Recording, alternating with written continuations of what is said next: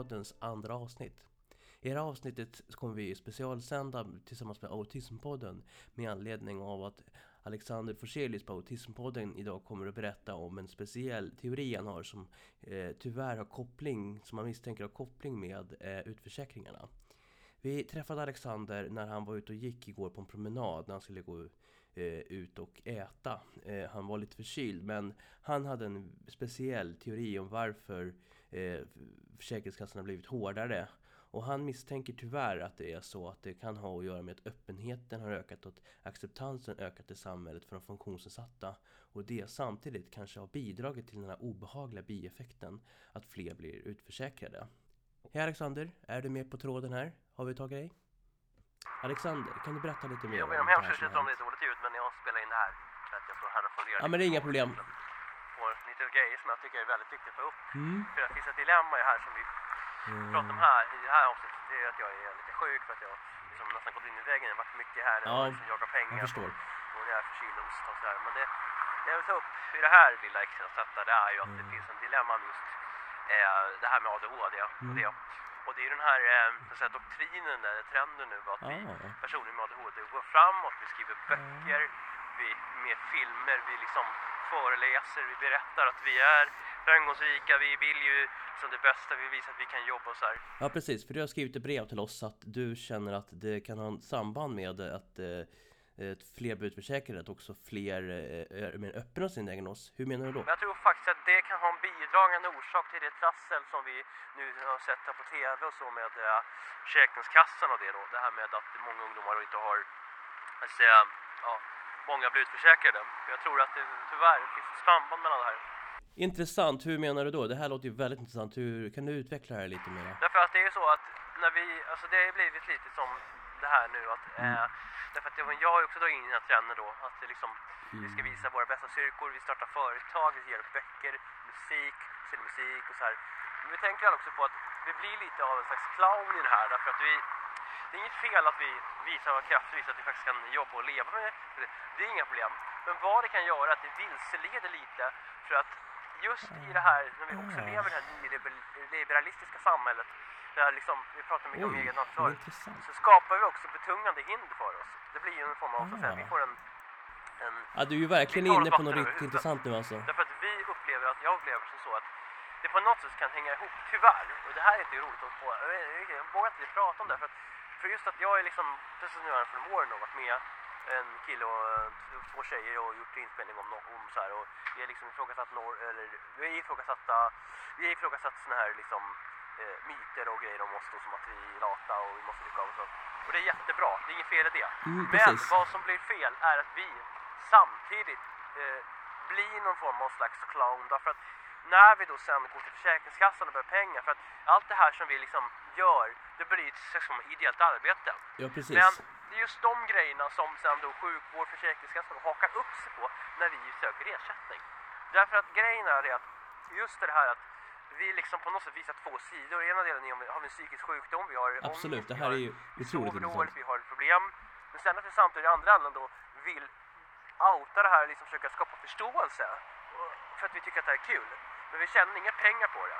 Eh, Men det gör ju då att när de gör de här bedömningarna på Försäkringskassan och så medicinska, då säger de såklart att eftersom då vi sitter och skriver böcker, vi gör musik, vi gör liksom, engagerar oss. Ja, då är det så att då är ni friska och så blir det ingen ersättning.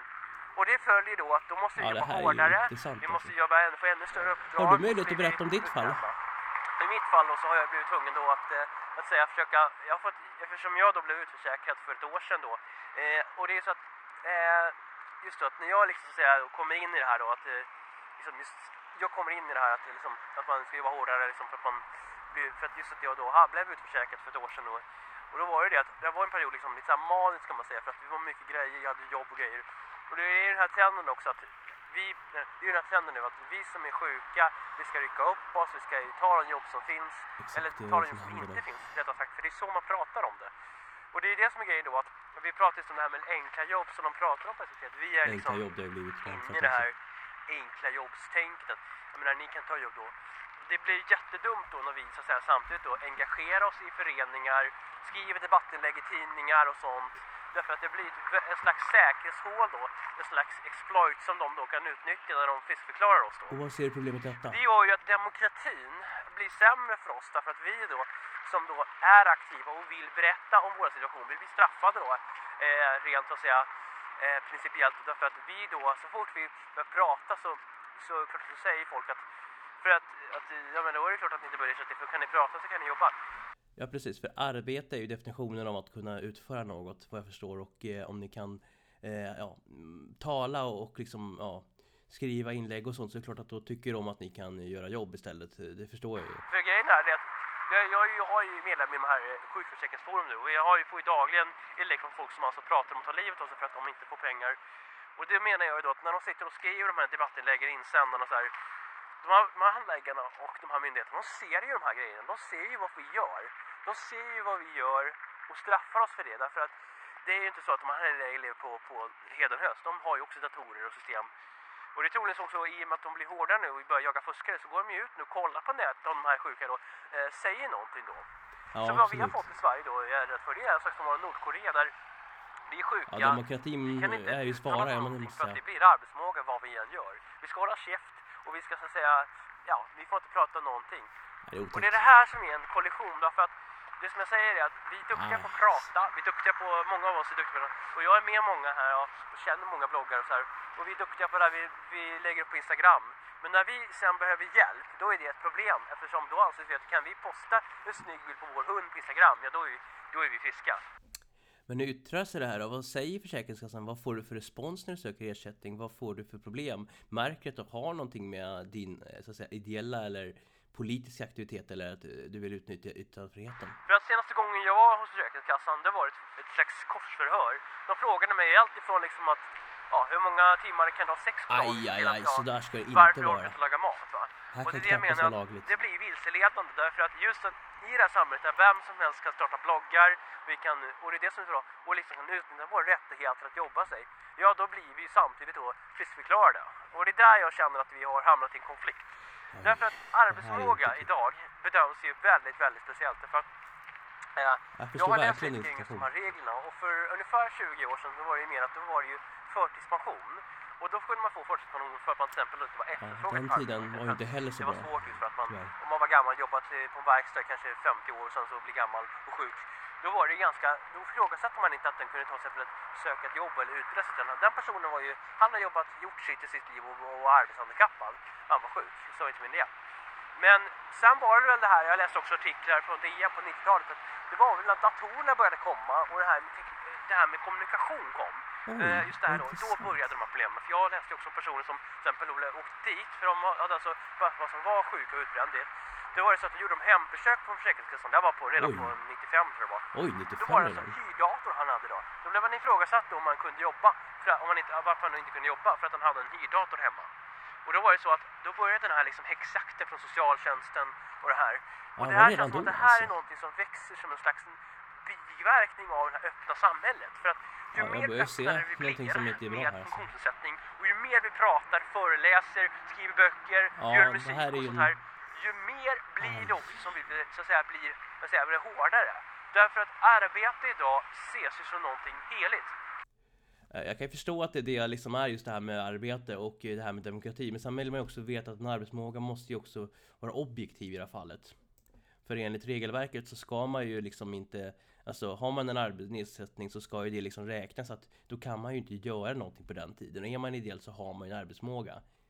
Eh, men det är klart att, att det är en fråga vart gränsen ska gå. Och jag vet inte riktigt hur du tänker då att liksom vart går gränsen till att om man kan så att säga engagera sig i en blogg, liksom, kan man då jobba liksom på heltid? För att, jag menar, man kan tjäna pengar på bloggar också, det är en grej och då är det klart att då ska man inte ersättning. Så det är lite svårt det här att väga tror jag, eller hur? Och jag kan tycka såklart att det finns ju, alltså det, det jag menar då, och det man inte förstår här är ju då att när vi så att säga då, är med i föreningar, vi skriver blogginlägg, saker. det är inte samma sak som att gå upp klockan sju på morgonen och sen ta tunnelbanan till sitt jobb. Men enligt handläggarna då så säger man ja men då får ni ju leva på det då. Men grejen är det att det går inte att leva på bloggar, det går inte att leva på musik. I mitt fall så, så tjafsar ju sig därför att jag hade ju några låtar som blev väldigt kända via någon spellista då. Och där är det så att det är väldigt slumpartat, för det är nästan som en lotterivinst att mina låtar kommer ut på en lista som genererar kanske då några hundratusen streams i månaden. Men det är bara för att jag har haft tur att den ligger där. Jag har ingen möjlighet liksom att styra det här riktigt, hur de liksom sprids på listorna. Försvinner de från listan så försvinner din inkomst. Oj, Men då har ju det liksom vilselett Försäkringskassan och, liksom, och de här och säger att ja, men då är du duktig, då klarar du av det här, då kan du jobba liksom. Ja, det blir en illusion Och det är det liksom. jag menar att vi, och då blev jag istället då tvungen att starta företag och liksom hålla på så att säga och liksom nästlas in med det här ännu mera Oj, det blev ju inte bra. Och det gör ju då att jag inte kommer rekommendera folk att, att säga, vara öppna med sitt funktionshinder, vilket är jättesynd. Ja. Därför att det ligger dem i fatet. Alltså det som vi försöker göra, det gör så att vi sätter oss i en situation där vi liksom hänger i ena foten va, liksom upp och ner va. Vi är liksom utlämnade till vår egen framgång, fast vi har ingen trygghet. Och det kan bara bli katastrof därför att jag menar när alla kan blogga och göra musik idag så är det ju såklart att det är svårare att överleva på det. Ja, och det är väl så då att vad jag förstår så tänker väl också då staten och myndigheter att i och med att samhället blir öppnare och det finns mer man kan göra idag så tänker ju också Försäkringskassan att då borde man ju kunna ta betalt för det man gör och sådär, eller hur? Att man kanske borde liksom kunna så att säga leva på det stället då, för att jag menar man vill ju hitta nya vägar, men det står ju faktiskt i Försäkringskassan att ar- aktivitetsersättning är ju preliminär, är det så att det finns nya behandlingar eller arbetsformer så prövas det ju om va? Och jag förstår då att om det blir mer öppnare, finns mer möjligheter, så det klart att då vill man ju se om de möjligheterna kan ge mer ersättning på ett annat håll. Eller hur? Va? För att det, det handlar ju ändå om att, eh, att inte förtidspensionera utan att man vill ju liksom att de människorna ska hitta sin plats. Så då tänker man kanske att blogga och sånt faktiskt kan ju vara ett jobb då man kan få inkomst för det. Tänker du inte så lite? Och just det här att liksom, just det här öppna grejen då att, att just det här att samtidigt som diagnoser blir normaliserade så blir det också svårare att få försäkringspengar och sånt. Men det Det hänger också poäng där. därför att försäkringsbranschen består ju också, hela försäkringsbranschen består ju också av att sprida risker. Och när det är klart att det är så att, att för kanske 30 år sedan, då var ju autism och sånt någonting speciellt. Det var ju någonting, det hade ju inte varandra barn utan det var bråkiga barn och de stängdes in det på eh, obsklasser och sånt. Då var det någonting som var speciellt. Och då sa man det att ja, men de kan sitta inlåsta i sitt hem, de behöver inte göra någonting. Och det var inte någon bra grej heller. Nej, det var ju ingen bra tid det heller, det håller jag med om. Nu är det tvärtom. För nu när det istället har blivit nästan att diagnos liksom blir modediagnos, det är liksom nästan varje vecka någon som berättar om sin bok i Nyhetsmorgon om ADHD och stress och sånt. Ja, men det Ja, var är senast här nu från. Nyköping bara för i förrgår faktiskt. Intressant. Och det är det jag menar, att när det blir så normaliserat och liksom öppet med det här, då känner jag att då, då liksom samhället också, då Försäkringskassan drar sig tillbaka och känner att då Mm. vill inte vi försäkra det här eftersom det här är en vardagsgrej. Därför att Precis, det blir många och skador helt socialförsäkringar enkelt, i och sånt, det bygger ju på riskspridning. Ja, och då är det exakt. så att, att man vill ju att, att det är ju så att det är som sagt med krockar, att om vi sätter försäkringsbolagen, om vi sätter väldigt ovanligt att de krockar med bilen, Exakt. då kanske det är billig premie men Mm. vi får bra med betalt om det till exempel blir krockar. Men ser man då att hälften av svenska befolkningen kör som räv, kör... Jaha, nu precis, låter det bra. Kör, märker man att hälften av Sveriges befolkning börjar köra liksom som galningar och krocka liksom varje gång va? Då är det klart att försäkringsbolagen tröttnar på det här för att då blir det normaliserat. Va? det är Exakt, inte för det är riskspridning som då är är för då vill försäkringsbolagens finansieringsmodell. 150 000 till varje bil som krockar va? därför att det är så pass vanligt nu.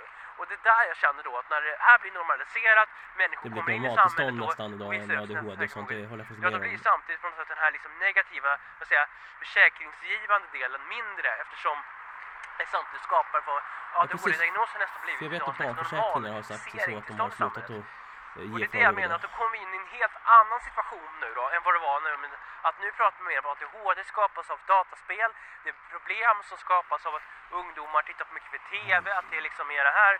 Och då känner jag att jag börjar komma in i en diffus värld där vi liksom plötsligt nu inte riktigt förstår vad är problemet. Därför att just det här att, att vi vill liksom skapa normalitet och så här, då blir det samtidigt att vi liksom också förlorar vårt skyddsnät.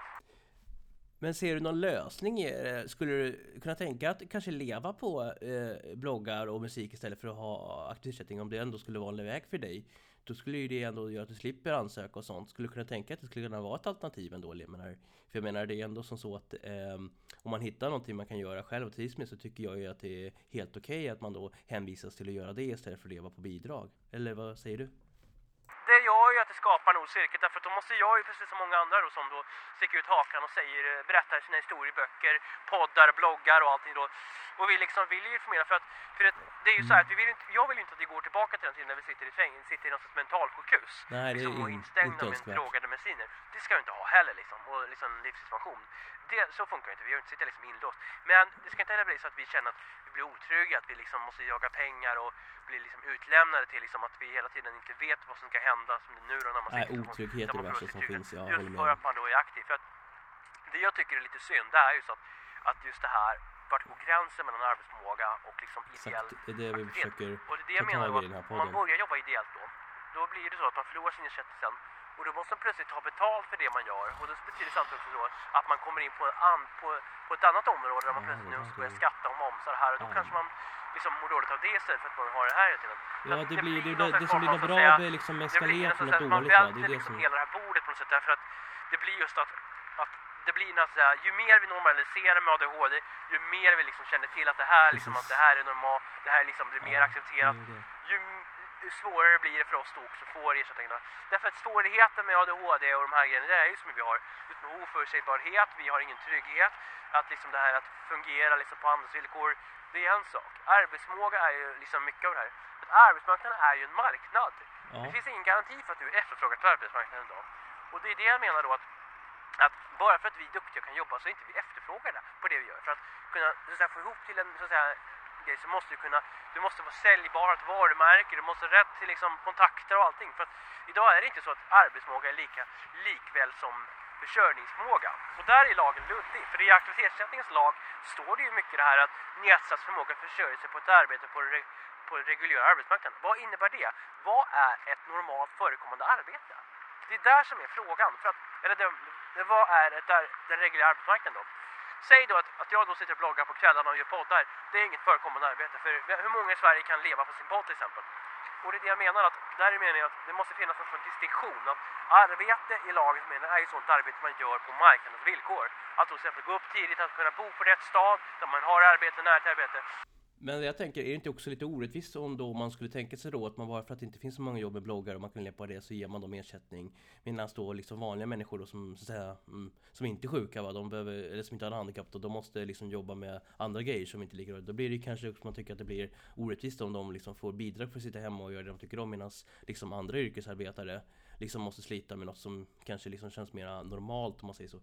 Eh, det kanske också är en aspekt i det, att man liksom tycker att det blir ju orättvist om man liksom ger dem en gräddfil, de här funktionshindrade, till att de kan liksom göra sånt som inte riktigt eh, liksom betalar sig medan vi andra måste jobba För det jag har sagt att arbete det är ju idag inte egentligen arbetsförmåga utan det är ju mera för jag menar, det finns ju de som har arbeten där man inte behöver ha någon arbetsförmåga. Jag har ju hört om de här som sitter och drar in sina miljarder i bara kapital. De kan ju sjukskrivas för att de liksom inte har någon arbetsförmåga. Stort tack Alexander för att du var med i programmet här. Eh, vi måste gå vidare nu. Tack så mycket. Tack så mycket.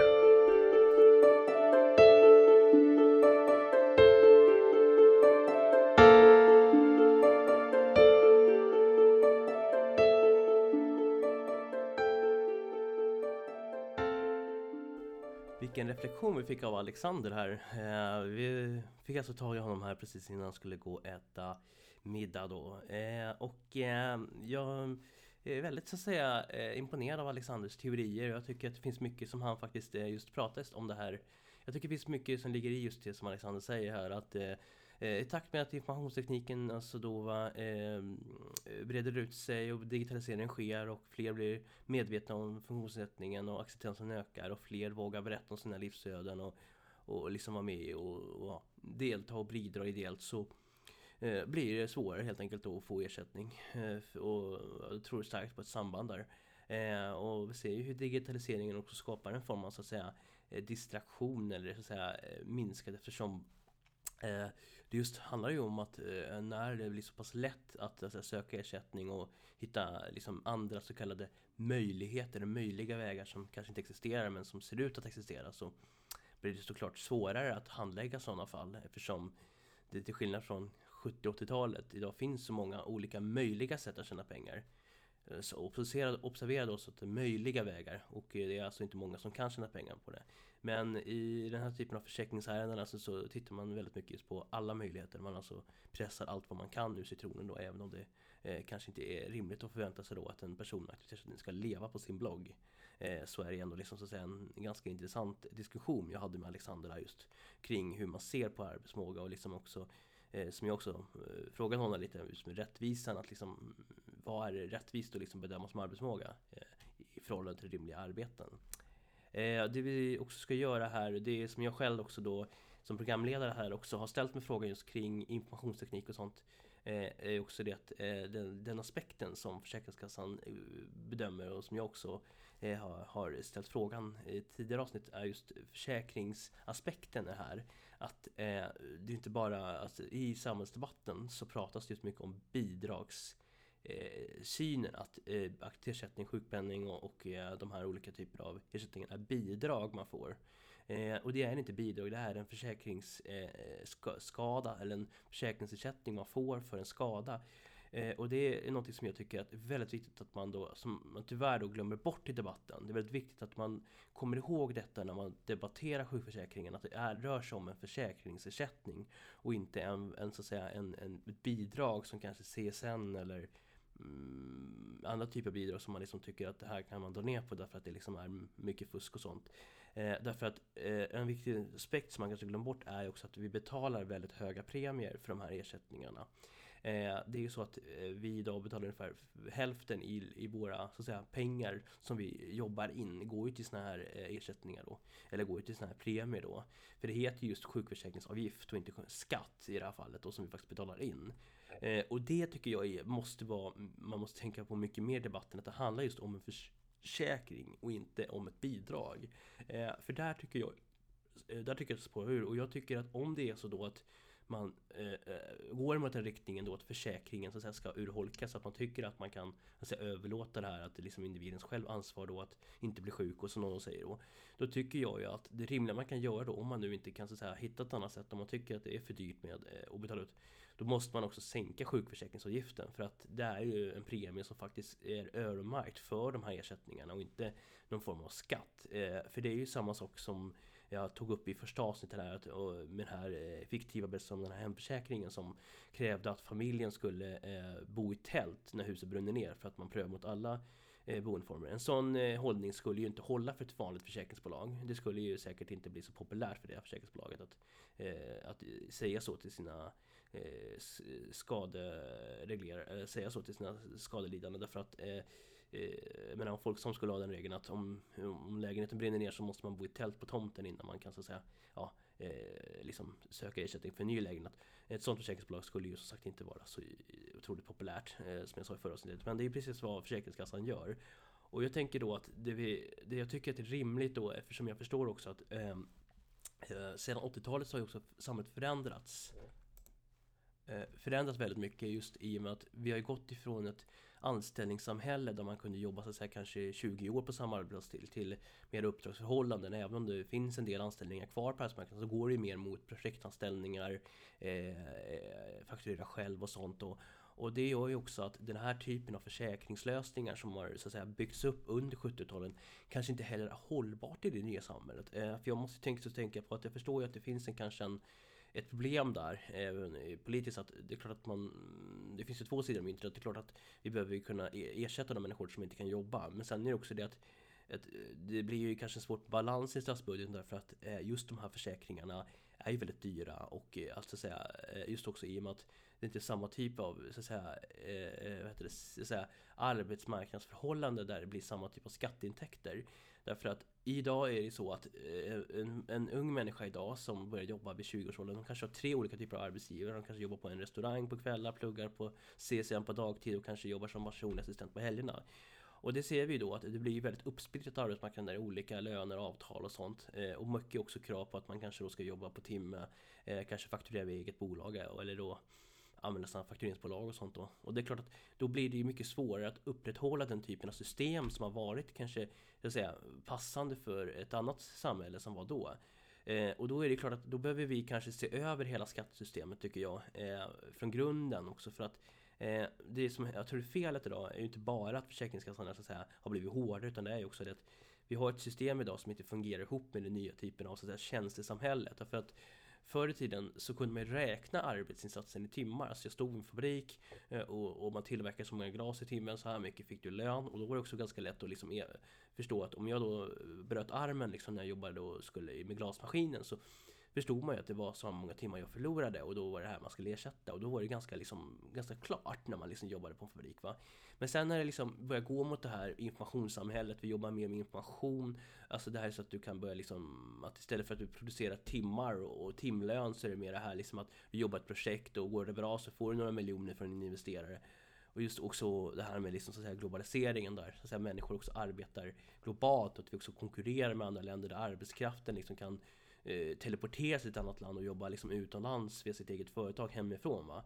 Det är klart att det här gör ju att skattesystemet får svårare att, så att säga, försörja det gamla systemet därför att eh, de kalkyler man hade för liksom, skatteintäkter och sånt blir ju inte, på samma, blir inte samma resultat idag eh, 2019 som kanske det var på 1985. Och det behöver man också komma ihåg i den här debatten då att då kanske vi behöver en djupare debatt också om hur vårt försäkringssystem ska läggas upp därför att det är klart att vi behöver ju också samtidigt konkurrera. Vi kan inte leva på 80-talet med samma liksom typ av eh, värderingar inom så att säga, försäkring. Därför att vi är inte, vi är inte det här liksom att man jobbar åtta timmar och har den här fasta lönen. Utan det är ju det här projekt. Eh, många är ju säljare, många jobbar programmerare.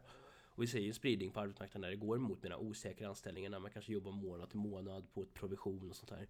Och det är klart att då kommer många människor i kläm då för att Försäkringskassan kan inte riktigt förstå hur det ska beräknas de här säga, förlusten då i och med att om man då så att säga då jobbar på ett callcenter eller kanske som programmerare eller designer och får pengar då för uppdrag och sånt och sen då åker på en influensa då kan det vara svårt att liksom förstå vad är själva arbetsinkomstbristen för att i och med att jobbet är så abstrakt idag därför att Uh, när man liksom, hade man brutit en arm på 80-talet liksom, i en maskin så var det ganska klart. Han kan inte stå vid maskinen och plocka metallbitar eller vad det nu var för att han har ingen arm kvar. Och på den tiden var det inte så mycket liksom andra jobb man kunde göra. Man hade inga bloggar, man hade, kunde inte sitta liksom här, så att säga, i någon, på ett kontor på det sättet. Utan då var det mycket handarbete då var det ganska klart att den personen kunde inte jobba mer. Och sen var det väl det att det liksom inte heller var, var ganska klart liksom. Man hade fasta, fasta liksom arbetstider och allting. Eh, och då visste man att liksom, man kan inte stå där 8 till 15 om man inte har en arm kvar. Eh, men idag är det det att vi har ju förskjutits mot den här liksom intellektuella arbetsmarknaden. Där prestationer och arbetsförmåga mäts i mera hjärnkapacitet. Alltså det är, vi har gått ifrån ett, liksom, ett produktionssamhälle till ett tjänstesamhälle där, där liksom arbetsmarknaden, värden och, och jobb och sånt räknas i det så kallade intellektuella egenskaper. Alltså att eh, man jobbar som coach, man jobbar som säga, informationsdesigner, programmerare och sånt. Och det är ju det att du skapar de värdena går inte att mäta på samma sätt. Du kan inte mäta liksom att som jag, som jag också eh, pratade med Alexander om här, som han sa också att, att han då lägger upp låtar på lista. Det är ju typ, typexempel på det samhället som vi har. Att Alexander som jag pratade med, han berättade ju om sina listor som han la upp på och som också gjorde då att han bidrog till att han blev utförsäkrad. Eh, det var ju det att, eh, det var ju typ en sån här information som, han har ju gjort en typ av information, alltså ett antal bitar, en informationsstruktur som typ har ett värde därför att människor lyssnar på det över hela världen. Och då är det ju så att då genererar det ett antal pengar som då gör att han då eh, anses då vara arbetsför. Därför att det här lilla, så att säga, de här ettorna och nollorna han lägger ut på nätet, de har ju blivit ett värde. Och det här är intressant då som Alexander berättar att de här så att säga, värdena som han genererar, de går inte att mäta i antal timmar därför att han kan ju sitta och skriva på en låt som kanske bara ger en stream på tio år eller en låt som ger en miljon stream på två dagar. Och just det här oklarheten i de här värdena han skapar gör ju att det blir en väldigt svår situation för försöka bedöma vad själva arbetsförmågebristen ligger i. Och det är det jag menar då att, eh, precis som Alexander sa i reportaget att att eh, det handlar just om liksom att förstå vart arbetsbristen är just för i och med att det är så abstrakt idag. Du vet ju, du kan inte ta på det. Det är lättare att mäta liksom att just det här som att när någon producerar eh, en, så att säga, en, en, någonting i en fabrik, då finns det ju en ganska klar värde. Ett glas kostar kanske 5 kronor att producera. Och sen så eh, producerar man kanske 150 glas om dagen. Då är det ett antal pengar man räknar här. Och sen så kan man räkna då liksom, ja, vad det blir liksom i lön. Och då vet man också att om man förlorat en arm så blir det ju ingenting då för att man kan inte ta i de här eh, glasen om man då inte har någon arm. Eh, och sen fanns det inte så mycket annat att välja på eller att göra på den tiden. Men i och med att det finns så många möjligheter då så är det svårt att beräkna det här därför att du har inte den abstrakta liksom, så att säga, eh, det blir så abstrakt. Och det är där jag tror att problemen ligger i då nu när Försäkringskassan då hänvisar till sådana här så kallade enkla jobb. Att I och med att det finns så många möjligheter idag, att det finns både eh, det här liksom att man då kan så att säga eh, blogga, man kan göra musik, man kan lägga upp sig på listor och sånt. Då blir det ju också så att säga en slags illusion som säger då att att man då kan hänvisa de personerna till, ja men då kan du jobba med det du vill liksom, så behöver du en ersättning. Och det är det jag menar då att vi får ju då ett samhälle där vi liksom inte riktigt kan se på det här liksom, vad är arbete och vad är liksom, jag säger fritid. Och där eh, har vi också tittat på eh, Skatteverkets hobbydefinition därför att Skatteverket definierar ju eh, små inkomster som inte är så, så, så vinst på som hobbyverksamhet. Eh, och jag har läst bestämmelserna kring just aktivitetsersättning och där är det ju så att hobbyverksamhet kan i vissa fall då anses vara eh, eh, tillåtet inom ramen då man har hel aktivitetsersättning men inte om man har delvis. Det är för att när man har hel aktivitetsersättning som reglerna ser ut idag så har man rätt till en åttondel av så kallat eh, fritt arbete då inom en viss gräns då och sen är det en gräns på hur mycket man tjänar men har man partiell ersättning så blir det svårare därför att då anses man liksom ha en viss begränsning. Va? Eh, och det är just det här då att eh, det är just som jag är intressant liksom att liksom väga mellan vad är då liksom det här arbetsdefinitionen just. Därför att vi, just i och med att arbete har flyter ihop med hela ditt liv. Alltså, för jag menar, ta till exempel en instagrammare, hon kan tjäna pengar på att laga middag därför att hon kan fota den här middagen och kanske då sponsra det här inlägget för något eh, bolag som tillverkar köksknivar till exempel. Då, då är det ju så att då är det så lätt att säga att ja, men det går ju att tjäna pengar på att laga mat. Ja, då får du ingen ersättning va. Därför att idag med teknikens hjälp och alla appar och algoritmer och sånt så kan du liksom tjäna pengar om du har tur på vad som helst. Du kan tjäna pengar på nästan, ja, eh, kan tjäna pengar och sitta på, titta på TV. Va? Därför att liksom allt idag är ju så otroligt liksom så här. Men då handlar det ju mer om liksom det sociala, vad man har för socialt kapital. Men det tar man inte hänsyn till utan just det här att, eh, liksom, just det här att då eh, att vi inte kan förstå riktigt hur arbetsmarknaden ser ut. Att de här reglerna är ju liksom anpassade för det. Och jag förstår att det här är inte bara handlar om liksom, så att, eh, Och sen är det väl så också att i och med att det har blivit också neddragning med resurser så, så blir det också klart att det blir svårare att handlägga. Eh, och jag tror att det, det tyvärr är så att vi inte bara kan Alltså de, man har ju pratat nu flera minuter sagt att det borde bli bättre, lättare att få aktivitetsersättning igen till exempel för personer med autism. Det var nyligen här i helgen en reportage om detta i SVT. Och eh, jag tycker så här att vi behöver titta på två sidor av myntet. Att eh, vi behöver hjälpa de här personerna på något sätt, eh, absolut. Men vi måste också titta på eh, hur kan vi så att säga jobba så att det inte blir de här så att säga för att det jag tror på det är ju också att det, det är ju som sagt som säger att det det är så pass många som får de här funktionsnedsättningarna, precis som Alexander sa i intervjun, att det var väldigt många som får aktivitetsersättning. Och då är det ju det att, eller många försäkringsfall. Och det gör ju då att när det är många försäkringsfall i ett samhälle, då blir det också eh, eh sämre möjlighet att betala ut ersättning. Därför att det finns ju en pott av pengar som ska fördelas på den riskspridning som man har. Och det är ju så då att eh, det är som med allt annat att när det blir fler och fler som blir sjuka i en sjukdom så blir den sjukdomen Eh, ersättning lägre eller kanske utgår då. För att som försäkringsbolag så har man inte råd liksom, när det blir mängdskador. Eh, vi kan ju bara då, ta ett fritt exempel, exempel att eh, när det är mycket skadedjur till exempel, då har ju försäkringsbolagen sagt trots att många problem med det att vi ersätter inte skadedjur i bilar därför att det är så många eh, fall av detta så att det skulle inte vara försäkringsmässigt hållbart. Och det är ju lite det som jag tänker på att just försäkringsaspekten här men då är det ju också det att det vi behöver ställa oss frågan då, då det är om vi också då i så fall skulle behöva kanske hitta, gå halvvägs i det här fallet då. Eh, för jag tror att eh, vi behöver ju på något sätt ha en form av sjukersättning för de personer som verkligen behöver hjälp. Det, det är ingen, ingen tvekan om tycker jag. Det är absolut så. Men det jag skulle tänka mig också det är ju att om man nu kan hänvisa till att de personerna kan bygga upp sitt eget företag och, och, och liksom så att säga föreläsa och kanske få betalt för det. Då är det klart att jag tycker att de personerna ska kunna ha möjlighet att så att säga gå för sin grej och också så att säga ja, kunna ja, eh, leva på det. För alla, för jag menar om man mår bra av att tjäna pengar på egna sätt så är det jättebra. Men det är just tryggheten som försvinner då och då tycker jag att då tycker jag ju så här att det man skulle kunna göra i det här fallet och det är ju det att försöka stötta de här personerna också då som jag säger då när man hänvisar till enkla jobb eller vad det nu är eller att man hänvisar till att man då kan ha blogg eller eh, så här, Då behöver ju också kanske skattesystemet också vara med och tillåta det här för att Eh, jag har ju räknat på det idag, att jag har ju firma idag och jag tjänar kanske då 15 000, eller jag gjorde det ett tag i alla fall på musiken då i månaden och sen var det ju eh, såna grejer då. Och det är ju så att de 15 000 hade jag ju kunnat leva på om jag inte behövde betala 50% i skatt på de här pengarna. Eh, och efter omkostnaderna. Och det gör ju då att, att om jag då hade så att säga kunnat leva på de här pengarna, alltså inte betalat så mycket skatt, då hade jag inte ens behövt bryta mig om och söka aktivitetsersättning, vilket också gjort att det blir billigare. Så att, eh, eh, om, jag säger så här, om, om, jag hade, om det hade varit lägre skatt på de här intäkterna på firman, då hade jag faktiskt kanske kunnat så att säga, ja vad heter det, eh, kanske leva på det då som eh, jag levde på 9000 och liksom sparade in, då hade jag ju liksom kunnat gjort det och då hade jag inte behövt bryta mig om liksom att söka andra bidrag och sånt. Och det hade känts jätteskönt för då hade jag kunnat göra det jag är duktig på. För att jag menar det är ju så här också att jag känner så här, samtidigt som jag känner att det är tråkigt att jag blir utförsäkrad så är det det tyvärr så också att har man aktivitetsersättning idag och sådana ersättningar så blir man samtidigt också diskriminerad när det gäller andra eh, saker som till exempel då att få pensionsförsäkringar, att kunna få exempel livförsäkring och sånt. Så att det finns ju nackdelar också att ha en slags eh, diagnos eller eh, att ha en slags så att säga sjukersättning eh, därför att Just att man inte kan få vissa försäkringar och, och sånt. Så att jag tycker såklart att om jag kan och, och, och göra det och även få en liten inkomst så tycker jag då att man borde få behålla den inkomsten så att man också kan Eh, gör det man vill. Men det är ju så, i och med då att jag får betala hälften skatt så måste jag då sen söka andra ersättningar då för att då kunna betala hyran.